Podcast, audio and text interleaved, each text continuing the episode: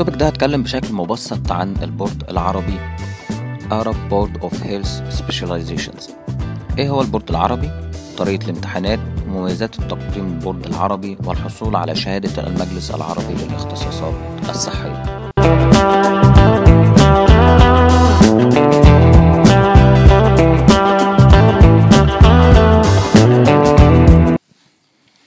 ما هو ال board العربي ABHS ال board العربي أو Arab Board of Health Specializations هو برنامج تدريبي للأطباء للحصول على شهادة المجلس العربي للاختصاصات الصحية.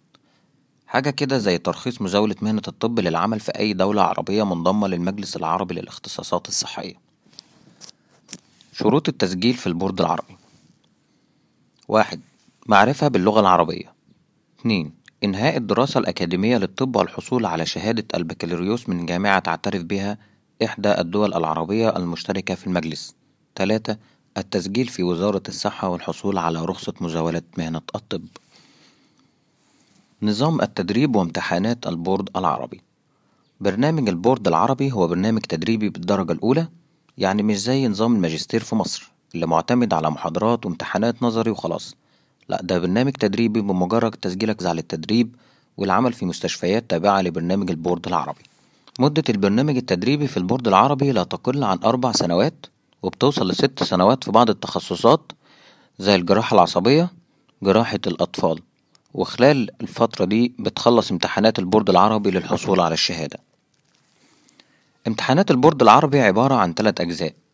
الامتحان الأولي الكتابي الامتحان ده بتدخله بعد سنة كاملة من تقديمك في ال board العربي وبدء البرنامج التدريبي وهو عبارة عن امتحان MCQ والامتحان ده ليه دورتين في السنة ممكن تدخل فيهم وهي دورة إبريل ومايو أو دورة أكتوبر ونوفمبر بس بشرط طبعا يكون عدى عليك سنة من تقديمك في ال board العربي. لكن خلي بالك لو عدى عليك سنتين وما دخلتش الامتحان ده بدون تقديم عذر مقبول يعتبر تسجيلك في البورد العربي لاغي ولو حابب تكمل لازم تقدم من أول وجديد للأسف. الامتحان ده ليك فيه تلات محاولات لقدر الله ما نجحتش أو عندك عذر مقبول بحيث تكون قدامك فرص تانية.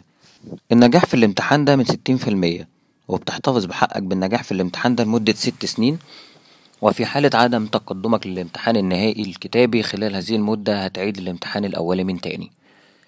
الامتحان الأولي الكتابي ده ممكن ما تدخلوش لو انت قضيت فترة في برنامج تدريبي تاني معترف بيه زي الزمالة المصرية وبتدخل على الامتحان اللي بعده على طول. الامتحان النهائي الكتابي.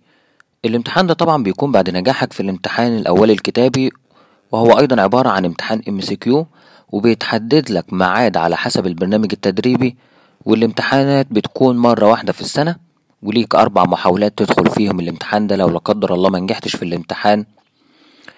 ده لا يحق لك دخوله مرة أخرى إلا بعد مرور سنتين من آخر امتحان.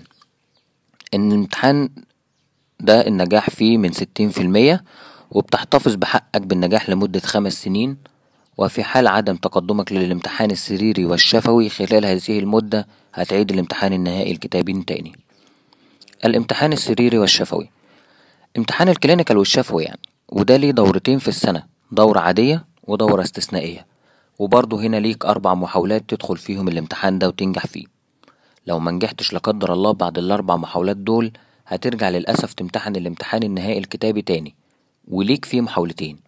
لو ما نجحتش هتتفصل من البرنامج للأسف. أما لو نجحت في الامتحان الكتابي النهائي تاني هتدخل امتحان ال clinical. وليك محاولتين تاني. لو ما نجحتش بتتفصل من البرنامج للأسف.